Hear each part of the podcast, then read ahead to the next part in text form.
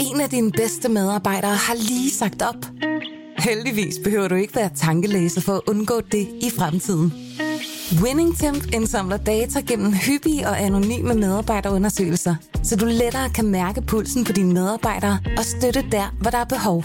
Kunder som Alfa Laval, Orkla og Volvo bruger allerede WinningTemp og ser, at det øger trivsel, reducerer turnover og hjælper med at fastholde talenter. Få gratis gennemgang allerede i dag på winningtemp.com. Velkommen til Morgenposten. Berlingskes nyhedsoverblik. Udenrigsministeriet har sat gang i en evaluering af evakueringsindsatsen i Kabul, men det er regeringen, som skal undersøge sig selv, og det falder ikke i god jord hos oppositionspartiet Venstre. Er du ikke vaccineret, bliver det værre, end det var før. Sådan lyder den ret så kontante melding fra en forsker, som varsler større smitterisiko, når alle coronarestriktionerne inden længe ophører. Og så bliver den nye kultur- og kirkeminister efter knap to ugers virke konfronteret med et valgløfte. Det er overskrifterne denne morgen, lørdag den 28. august. Jeg hedder Henriette Kirkegaard. Vi lægger ud med biler og sol, for en elbil i garagen og solceller på taget lyder som en drøm for den klimabevidste forbruger. Selvom det er en politisk ambition at fremme den grønne omstilling, kan det dog rent økonomisk være en rigtig dårlig idé at oplade sin elbil via solceller. Det skyldes reglerne for afgiftsrefusion. Normalt kan man oplade sin elbil til cirka halv pris, da man vil få refunderet elafgiften for den andel af strømmen, der er gået til opladning. Men er man solcelleejer, skal man betale fuld afgift af den strøm, man benytter til opladning. Det forklarer Christoffer Mark Ovesen, der er partner i Viasol, som er blandt landets største leverandører af solcelleanlæg. Han finder det ret grotesk, når nu den politiske ambition er at fremme den grønne omstilling med solceller og elbiler. I første omgang var der lagt op til, at afgiftsreglerne skulle vare året ud. Nu er det vedtaget, at de gælder frem til 2030. Derfor ser vi det som et ganske stort problem, siger han til Berlingske. Viasol har henvendt sig til Rasmus Helvi Petersen, som er formand for Klima-, Energi- og Forsyningsudvalget. Han har nu rejst spørgsmålet over for skatteminister Morten Bødskov. Der er ca. 110.000 husejere med solceller på taget i Danmark. Der skal sættes gang i en evaluering af hele evakueringen i Afghanistan. Det har udenrigsminister Jeppe Kofod besluttet med opbakning fra regeringens støttepartier.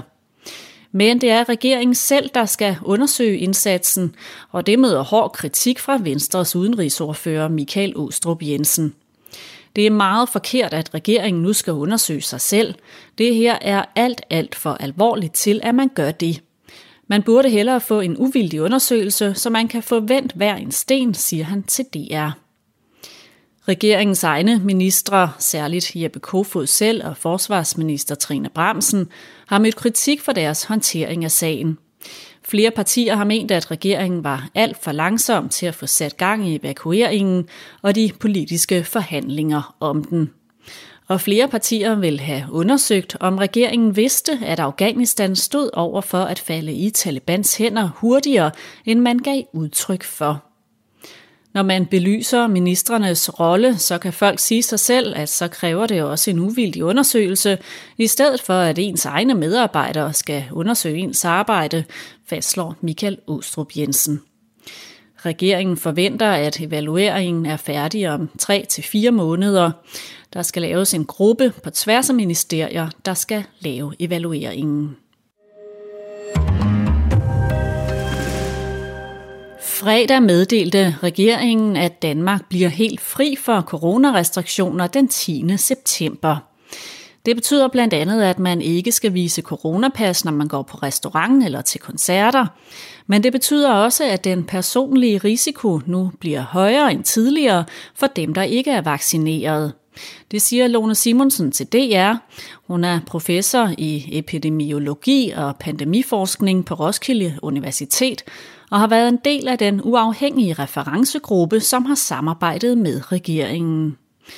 Er du ikke vaccineret, bliver det værre end det var før, fordi epidemien kommer til at køre i et højere gear end tidligere, og vi har en lavere grad af kontrol for smitte, siger hun til DR. Og vi bliver lidt ved emnet, for selvom regeringen ikke længere betegner covid-19 som en samfundskritisk sygdom, vil der stadig gælde rejseregler. Udenrigsministeriet har netop ændret farven på Sverige og Tyskland fra grøn til gul. Fra i dag skal man ved hjemkomst fra Sverige eller Tyskland testes, når man rejser ind i Danmark. I hvert fald, hvis man ikke er færdigvaccineret eller tidligere har været smittet. Det fremgår af Udenrigsministeriets seneste rejsevejledning. Grænseregionerne vil dog fortsat være grønne. Det omfatter Sydsverige og Vestsverige samt Slesvig-Holsten i Tyskland. Efter at have haft titlen kultur- og kirkeminister i blot to uger, bliver Ane Halsbo Jørgensen forholdt et valgløfte. Det er Kristi Dagblad, som gerne vil have svar på, om ministeren vil indføre oversættelser af alle udenlandske prædikner til dansk, som Socialdemokratiet dengang lovede at ville gøre. Partiet forklarede dengang løftet med, at oversættelserne skal være med til at bekæmpe radikalisering. Til Kristelig Dagblad svarer den nye minister ikke klart på, om og i så fald hvordan hun vil påtage sig opgaven. Hvordan og hvorledes vi får skabt den åbenhed, er ikke noget, jeg har et færdigt lovforslag på i min uge nummer to.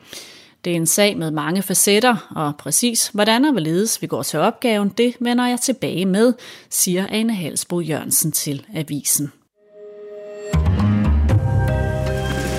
Lad os kaste et kort blik på, hvad dagen byder på derude. Sygeplejerskerne ser man ikke længere i det danske land, for deres strække slutter. Det sker som bekendt efter, at et flertal i Folketinget fredag stemte for et lovindgreb. Europabevægelsens EU-dag afholdes kl. 10 i Mariager. Emnet til debat er EU og USA. Hvordan ser det fremtidige samarbejde ud? Kristendemokraterne holder sommergruppemøde både lørdag og søndag på Christiansborg. Og en person, som forhåbentlig ikke skal til dagslange møder, er prins Nikolaj, den ældste søn af prins Joachim og grevinde Alexandra. Han fylder nemlig 22 år. Og tillykke med det. Så er vi et morgenposten for nu. Vi er naturligvis tilbage igen i morgen klokken 6. Indtil da kan det anbefales at lytte til den seneste udgave af Berlingskes nyhedspodcast Pilstræde, som har overskriften Vi tabte, jihadismen vandt. Ha' en god dag. Tak fordi du lyttede med. En af dine bedste medarbejdere har lige sagt op. Heldigvis behøver du ikke være tankelæser for at undgå det i fremtiden. WinningTemp indsamler data gennem hyppige og anonyme medarbejderundersøgelser, så du lettere kan mærke pulsen på dine medarbejdere og støtte der, hvor der er behov. Kunder som Alfa Laval, Orkla og Volvo bruger allerede WinningTemp og ser, at det øger trivsel, reducerer turnover og hjælper med at fastholde talenter. Få gratis gennemgang allerede i dag på winningtemp.com.